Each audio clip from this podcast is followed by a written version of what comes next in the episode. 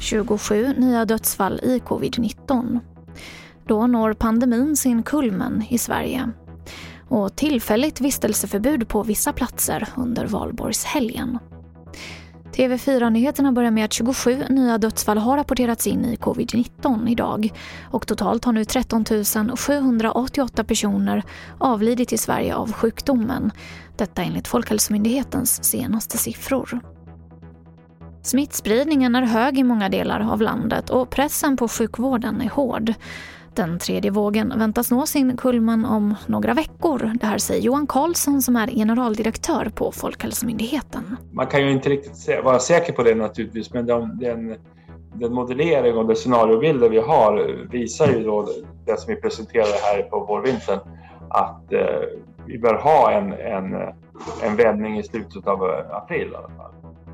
Regeringen och samarbetspartierna Centern och Liberalerna föreslår nu stora satsningar på Sveriges infrastruktur. Sammanlagt så handlar det om satsningar på runt 800 miljarder kronor fram till år 2033.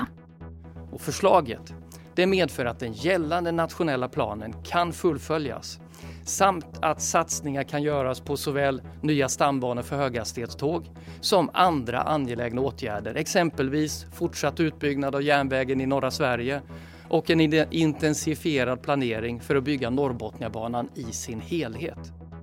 Det sa infrastrukturminister Thomas Eneroth under en pressträff idag. Och till sist kan jag berätta att under valborgshelgen så har Uppsala infört tillfälligt vistelseförbud i centrala delarna av staden. Detta på grund av pandemin. Pandemin har också satt stopp för valborgsfirandet i Lunds stadspark där kommunfullmäktige nu klubbat igenom ett förbud mot att vistas i parken den 30 april. Och det var det senaste från TV4 Nyheterna. Jag heter Emily Olsson.